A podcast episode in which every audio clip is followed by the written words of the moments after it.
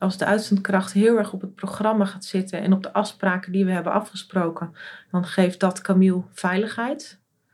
Maar als de uitzendkracht dat niet doet, en dan merk je dat hij zichzelf ook kwijtraakt. Nou, dan kan hij zichzelf uh, behoorlijk kapot slaan, tot bloedend toe.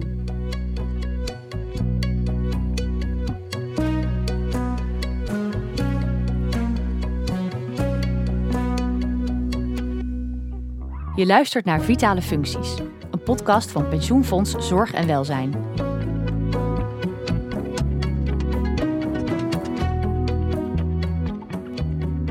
Werken in zorg en welzijn is vaak intens. Maar toch maken sommige gebeurtenissen extra indruk. Het zijn alleen de verhalen die we maar zelden horen. Het werk gaat door en de volgende patiënt wacht. Mijn naam is Suzanne Splithoff. Ik heb een medische achtergrond en ben al jaren werkzaam als journalist en presentator. Ik kijk terug op deze indrukwekkende momenten samen met de zorgverleners, die vertellen over de ervaring die zij nooit zullen vergeten.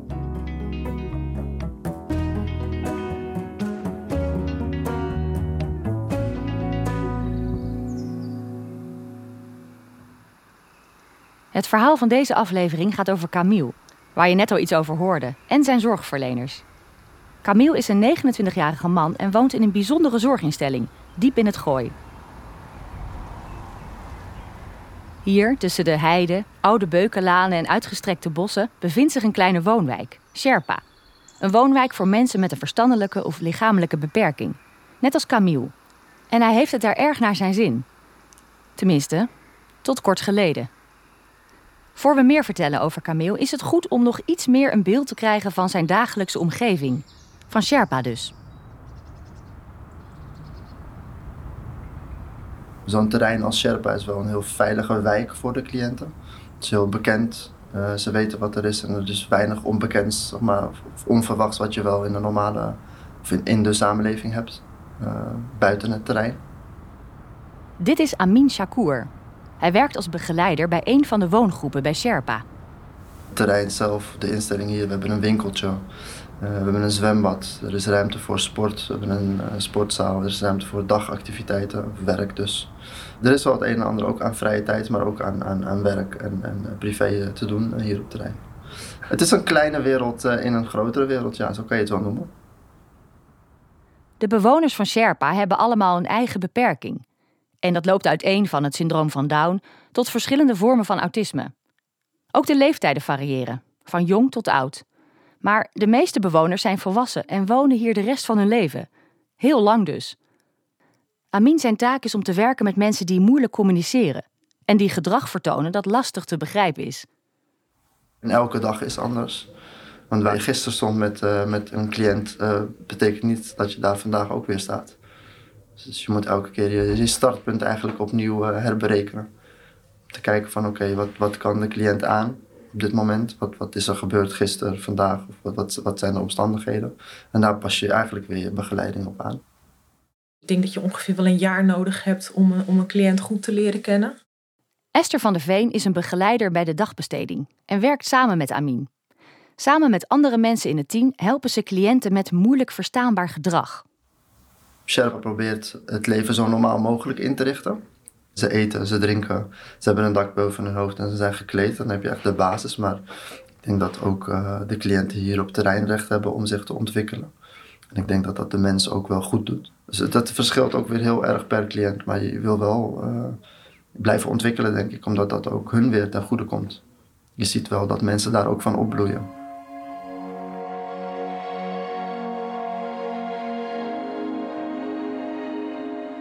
Verstandelijke beperkingen zijn niet te genezen. Toch proberen de teams van Sherpa wel verder te komen met hun cliënten, door ze steeds een klein beetje zelfstandiger te maken.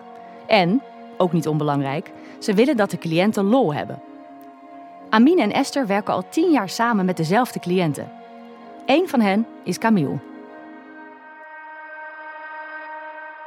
Camille is een, uh, een grote man, maar dan uh, met het uh, niveau van een baby. Hij kan heel erg genieten van muziek, van uh, sfeer. Maar hij kan ook echt wel uh, heel, heel moeilijk zijn en uh, zichzelf ja, ook echt wel pijn doen. Dat is ook vaak zijn manier van communiceren. Dat hij op zichzelf slaat. of bonkt. En, en daarmee wilde je wat laten weten dat iets niet, niet goed is. Dat er wat aan de hand is. Camille is complex. Als persoon, maar ook in zijn gedrag. Hij heeft 24 uur per dag één op één begeleiding nodig. Bij het team van begeleiders zit ook altijd een gedragskundige die meekijkt naar wat een cliënt precies nodig heeft. Camille heeft een ehm, ernstige, zeer ernstige verstandelijke beperking. Dit is Astrid de Wit, een gedragskundige die in het team werkt met Amine en Esther. Hij houdt van uh, wilde activiteiten, zoals in een achtbaan, daar kan je hem niet gelukkiger mee maken. Of wild door de bocht fietsen. En Camille heeft daarnaast ook wel fors wat uh, gedragsproblemen. Vooral dat hij zichzelf ernstig beschadigt uh, door zichzelf hard in het gezicht te slaan. Uh, en uh, als hij daarin tegen wordt gehouden, kan het ook erger worden door nou, bijvoorbeeld zijn knie tegen zijn neus aan te stoten of zichzelf te verwonden aan een punt van een tafel. Um, en we zien dat vooral op momenten dat hij nou, lichamelijk niet lekker in zijn vel zit. dan kijken we, nou oké, hoe kunnen we wat zit er nou achter? Het is heel belangrijk om de vraag achter de vraag dan goed helder te krijgen. Waarom doet diegene dat? Wat is de hypothese daarover? En hoe kunnen we op basis van die hypothese dan interventies inzetten om dat te verminderen? Begeleiders hebben natuurlijk, en ook de familie en het hele netwerk, die kennen die persoon heel goed. Dus dan kijken we samen van oké, wat weten we vanuit wetenschap, wat weten we vanuit de praktijk, hoe kunnen we dat samenbrengen om zo goed mogelijke zorg uh, te leveren. En dan samen komen we tot een, uh, tot een advies en een richting van wat goed is voor diegene. Camille heeft de cognitieve ontwikkeling van een peuter. Hij kan geen eigen beslissingen nemen, maar voert taakjes uit en begrijpt wel vaak wat de bedoeling is. Het team probeert Camille zoveel mogelijk zelf dingen te laten doen, met een begeleider die altijd bij hem is. Ochtends kleedt Camille zichzelf aan, hij helpt met de was of met afwassen en hij gaat mee om boodschappen te doen. Als hij zelf de rits van zijn jas dicht doet, kan dat een kwartier duren, omdat Amine en Esther willen dat hij het zelf doet. Als hij vrolijk is, is hij heel goed. Maar hij heeft ook heel veel slechte dagen. En uh, het is soms moeilijk te achterhalen wat het onderliggende daarachter is bij hem. Zijn, zijn gemoedstoestand schommelt heel erg. We hebben periodes dat het goed gaat. En we hebben soms ook periodes waarin zijn zorgvraag heel erg intensief is. En dan, uh, dan lijkt het me op dat moment dan belangrijk dat hij gewoon weer wat ontspannen is en dat er voor hem wat duidelijkheid is, waardoor hij weer wat meer in het normale kan komen. Uh, voordat je weer gaat kijken naar verdere andere ontwikkeling. Na vier uur Camille begeleiden laat je je aftikken door iemand anders die het dan overneemt. Uh, niet omdat je het niet kan of niet goed doet, maar omdat we gewoon weten dat het best wel zwaar is om met hem te werken. Hoe beter je voor jezelf zorgt, hoe beter je voor Camille kan zorgen. Wat fijn is voor Camille is dat de begeleider hem kent. Ik denk dat dat het belangrijkste is. En als, als het vertrouwen er is en een, een goede relatie er is en je ziet hem, dan kan je heel veel bereiken. Dan kan je eigenlijk bijna alles doen, zowat. Zoals Esther al eerder vertelde, kost het begeleiders veel tijd om een relatie op te bouwen met cliënten. Wat het nog ingewikkelder maakt, is het structurele personeelstekort in de zorg, waar ook Sherpa mee te kampen heeft. En dat heeft ook consequenties voor Camille. Steeds vaker krijgt hij een begeleider die hij niet kent. Dus je ziet heel veel verschillende gezichten. En als wij met z'n allen iets anders gaan doen, weet Camille op een gegeven moment straks ook niet meer. Wat, wat wordt er nou gevraagd van mij? Bij de ene moet ik mijn jas wel zelf dicht doen en bij de andere die doet het voor me. En, en daar ontstaat dan heel vaak weerstand. Maar daarna zie je dat het uh, moeilijk is om hem dan weer in een programma of in een activiteit te krijgen. En de hypothese vanuit mijn uh, professie is dus dat er te lang voor hem gezorgd is. En dat hij te weinig het idee had van: hé, hey, uh, ik weet wat vandaag weer de bedoeling is. Want hij leeft heel erg in het hier en nu. Een voorbeeld bijvoorbeeld: als er een kopje voor hem staat, betekent dat voor hem niet meteen: hé, hey, ik moet drinken. Hij gaat het bijna pas doen op het moment dat hij het kopje voelt. En dan denkt hij: oh ja, ik, ik ga drinken, zeg maar. Nou, dat soort dingen moet je wel weten als begeleider. Als je gewoon zegt, nou, ga maar drinken. Want je, staat hier toch, zeg maar. Uh, en je, je wordt daar ook wat gefrustreerd in. Dat voelt Camille ook. Die snapt het niet. Nou, die gaat vervolgens op zijn manier uit. Hé, hey, ik snap het niet. Uh, ik ga mezelf uh, nu slaan. Want um, ik ben het even kwijt. En Camille is ook niet iemand die... weet je, als het voor hem gedaan wordt, prima. Dat vindt hij prima. maar zo verlies je heel veel kennis. En, en daar, daar hebben we heel veel mee te kampen. Ja, we, genezen niet de verstandelijke beperking, nee. Maar we kunnen wel wat met het gedrag. We hebben echt wel een aantal cliënten die we hebben verder kunnen brengen. Je wil echt dat, dat iemand wel vooruit gaat. Ik ben Jeroen Hospers. Ik werk 25 jaar binnen Sherpa en doe dit nog altijd met veel plezier. Jeroen Hospers is manager zorg en ondersteuning bij Sherpa. In de jaren dat hij hier inmiddels werkt, heeft hij met veel cliënten een band opgebouwd. Er zijn een aantal cliënten die ik al ken vanaf dat ik toen ik hier binnenkwam, toen ik twintig was. Die cliënten zie ik gewoon ouder worden uh, samen met mij. Ja, je raakt een beetje verweven in het leven van de cliënt. En dus ook met Camille. Camille woont sinds 2014 bij Sherpa. Daarvoor woonde hij op andere locaties, waar hij vastliep. Soms lag hij s'nachts vastgebonden in zijn bed om te voorkomen dat hij zichzelf zou slaan. En dat heeft een slechte uitwerking op hem gehad. Gelukkig gaat het nu een stuk beter. Althans, tot een tijd geleden. In de tijd dat hij hier woont, uh, is de kwaliteit van leven voor Camille echt vooruit gegaan. En Camille was vrolijk, had uh, veel zin in de dag, keek alert om zich heen, reageerde op nou, dingen die gebeurden in zijn omgeving uh, positief, bijvoorbeeld met een glimlach of door nou, in zijn handen te klappen of te gaan zingen. Hij kon ook heel goed bepaalde momenten even rust hebben op zijn kamer en was dan gewoon rustig, zeg maar. En ja, vrolijk, dat was de stemming. Maar afgelopen zomer veranderde er ineens iets. In september zagen we een omslag in zijn gedrag. Uh, we zagen dat hij uh, nou, meer gespannen was. Want je kan dat niet eens echt verdrietig of boos noemen, maar eigenlijk echt spanning in zijn lijf. Um, en dat hij nauwelijks meer tot ontspanning kwam. En op momenten van, van spanning zichzelf dus in zijn gezicht sloeg, uh, hard. Of zichzelf op een andere manier probeerde te verwonden. We wisten eigenlijk ook niet zo goed waar het vandaan kwam. Dat weten we nog steeds niet helemaal. We hebben wel een aantal hypotheses, proberen uit te sluiten of het echt medisch wat is. Dat is natuurlijk altijd lastig, want onze cliënten kunnen niet altijd aangeven: uh, ik heb daar pijn, of ik, ik voel dit, of ik voel dat. En we hebben dan verschillende hypotheses. Nou, zou het kunnen dat er inderdaad zoveel verschillende begeleiders met hem hebben gewerkt, waardoor hij zich onveiliger is gaan voelen. En daar zit denk ik wel de, de grootste zorg, waar, waar, we nu weer wat proberen aan te doen door weer vaste begeleiders, dezelfde gezichten, om die, die cliënt wel weer uh, op gang te krijgen. Om nou ja, in ieder geval te zorgen dat het hele ingewikkelde gedrag uh, wat afneemt. Want daar, dat zit echt wel zorg. Het team bespreekt regelmatig de aanpak per cliënt. Wat willen ze bereiken en wat is de beste manier om daar te komen? Eén ding is in elk geval duidelijk. Zolang je als begeleider cliënten helpt met zoveel mogelijk regelmaat en vaste patronen, dan ontstaat er vertrouwen en een steeds hechtere band.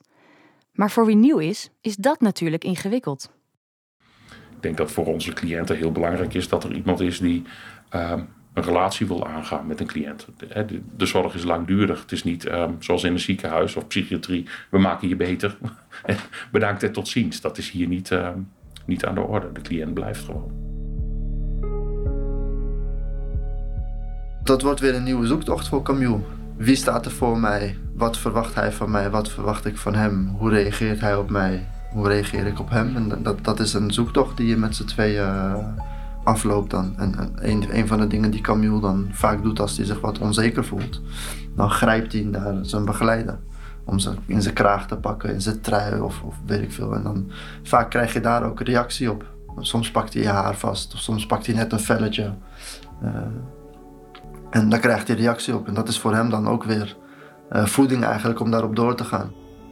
Dus dat is het lastige stuk voor Camille vooral. Want die heeft er zelf natuurlijk heel veel pijn en last van. En ook wel voor de omgeving, hoe gaan we hier nu goed mee om? Omdat het echt wel heel intensief is om dat heel de dag ook goed te begeleiden. Omdat hij daar soms zo in vast zit dat je, dat je ziet zijn wanhoop. Maar ook de begeleiders die daar dan ook wel in... Uh, nou, op een gegeven moment denken, hoe kunnen we hem helpen? Want het is zo naar om, uh, om te zien.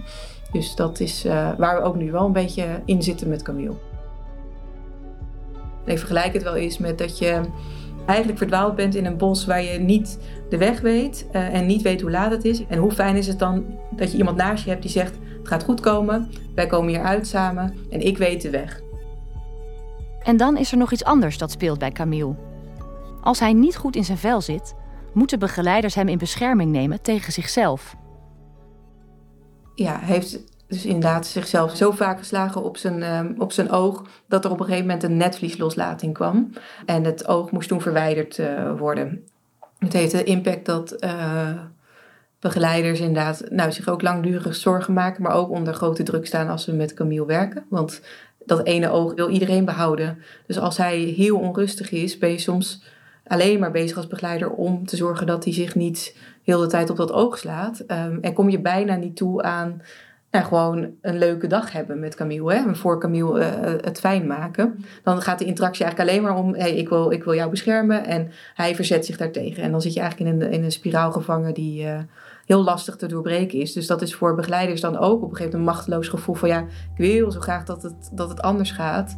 Uh, maar dat lukt niet. Omgaan met agressief gedrag is iets wat je moet kunnen als begeleider. Het komt vrijwel dagelijks voor. Er zijn allerlei trucjes om zulk gedrag om te buigen. Althans, in theorie. De praktijk is soms knap lastig. Dat heb ik wel gehad. Het is ook wel met een cliënt geweest. Die had me zo met twee handen vast aan mijn haren. En die zat mijn kopstoot te geven. En mijn porto viel op dat moment van mijn broek af. Dus ik kon geen uh, hulp inschakelen. En dan voel je je heel machteloos. En uiteindelijk is het wel weer goed gekomen. En uh, door heel hard te schreeuwen van... en nou ga je naar de wc. Op dat moment denk je echt van het uh, overleven eigenlijk. En da daarna uh, ben ik ook wel echt wel bang geweest ook voor die cliënt. En, en wel uitgebreid over gepraat met, met collega's. En ze hebben me super goed geholpen. Maar dat heeft wel een half jaar geduurd voordat ik weer alleen met hem kon werken. We moeten het niet normaal gaan vinden dat we geslagen worden, geschopt, gekrapt. Maar het hoort er enigszins bij en je, je probeert er toch nog steeds te zijn voor de cliënt. Voor, mij wat ik het meest hier heb geleerd op het stukje agressie, denk ik, is om het uh, proberen voor te zijn. Dus de, signalen goed te signaleren en eigenlijk uh, alles aan het proberen te doen om zeg maar niet zo ver te komen dat je fysiek in moet grijpen ja, niet iedereen kan het, want dat, dat, blijkt ook wel. Omdat we twee collega's hebben die afgelopen jaar ook al weg zijn gegaan hierom. Dus niet iedereen ligt het. En uh, ja, je moet ook wel eerlijk zijn naar jezelf daarin. Van, hè, durf ik dit aan? Kan ik dit aan? Wil ik dit aan? Ook rustig kunnen blijven op bepaalde momenten. En niet in uh, frustratie raken of uh, zelf boos worden. Want dat werkt averechts. Het is een vicieuze cirkel. Mensen gaan weg omdat ze niet kunnen omgaan met agressief gedrag. Vervolgens moeten er nieuwe mensen worden ingehuurd om de gaten in het rooster op te vullen. En omdat ze die begeleider niet kennen, leidt dat bij sommige cliënten weer tot agressief gedrag. Uiteraard is het fijn dat het meestal lukt om het rooster rond te krijgen. Sherpa verwelkomt regelmatig nieuwe begeleiders, maar steeds nieuwe uitzendkrachten in het team blijft lastig. Voor cliënten zoals Camille, maar ook voor het team zelf. Uh, als jij als medewerker elke keer nieuwe uitzendkrachten die je elke keer weer opnieuw moet, moet vertellen hoe een cliënt in elkaar zit, elke keer moet uitleggen van goh, je moet het zo doen of je moet het zo doen. En je weet ook dat diegene misschien morgen niet weer komt. Ja, dan snap ik wel dat je denkt, ja, wat doe ik dit voor? Als de uitzendkracht heel erg op het programma gaat zitten en op de afspraken die we hebben afgesproken, dan geeft dat Camille veiligheid. Um, maar als de uitzendkracht dat niet doet, dan heb je helemaal niks, geen basis om op terug te vallen. Dus en niet het programma en ook niet de relatie. En dan merk je dat hij zichzelf ook kwijtraakt. En dan heb je een lange dag. Als hij ook al niet helemaal goed in zijn vel zit, bijvoorbeeld. Nou, dan kan hij zichzelf uh, behoorlijk kapot slaan. Tot bloedend toe. Dat is echt wel heftig.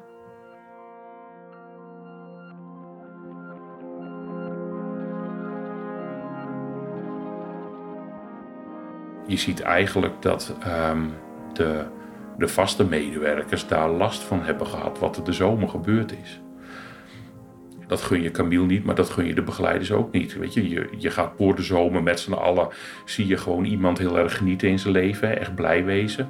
En je ziet na de zomer iemand uitkomen dat je denkt, oeh, dit, dit is niet waar we voor staan, dit is niet wat we willen. Ik wil gewoon mensen vast in dienst hebben. Ja, je merkt dat dat steeds moeilijker wordt. Maar ik zie dat mensen zich makkelijker zeggen van nou, ik wil, ik wil loswerken, ik wil flexwerken, ik wil zelf mijn agenda bepalen, dat soort dingen. Uh, dat is niet wat onze cliënten vragen. Die vragen echt een verbinding.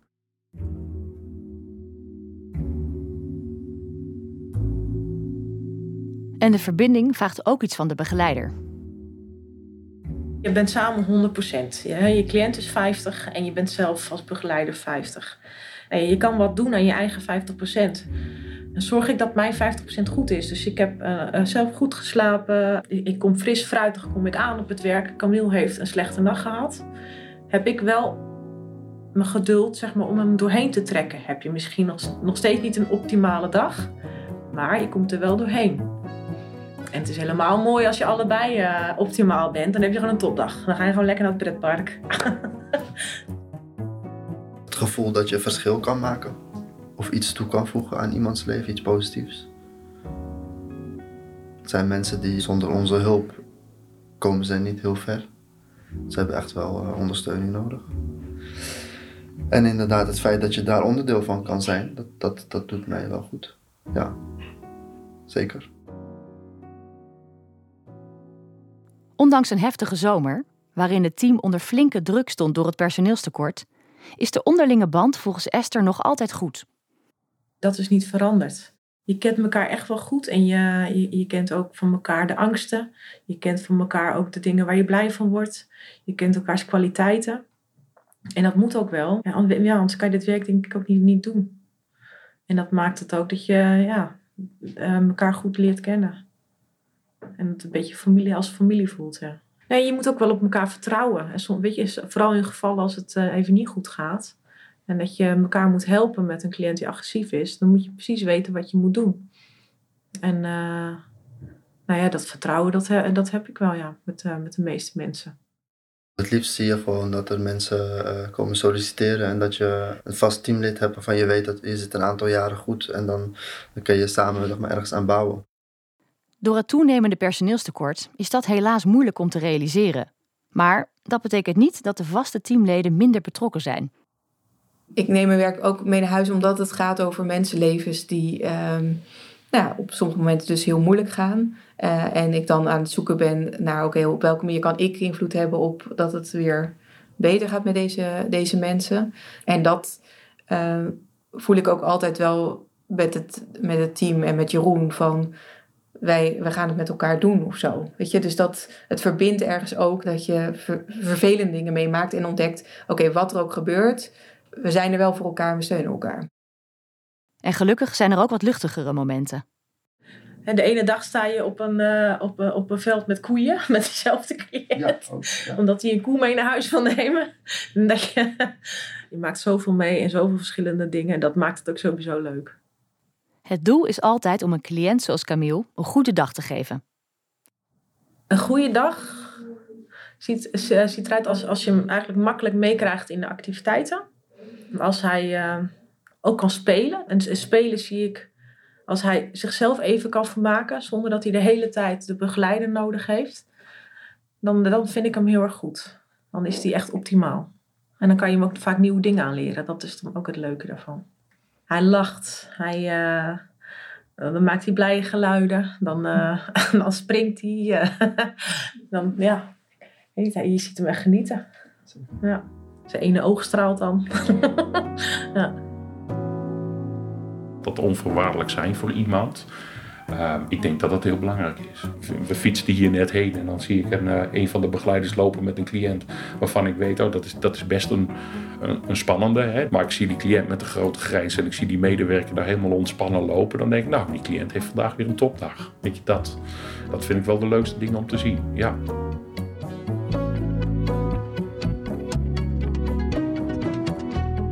Je luisterde naar Vitale Functies aangeboden door Pensioenfonds Zorg en Welzijn. Mijn naam is Suzanne Spliethoff. Nieuwsgierig naar meer verhalen uit de zorg? Abonneer je dan op Vitale Functies in je favoriete podcast-app of ga naar pfzw.nl/podcast.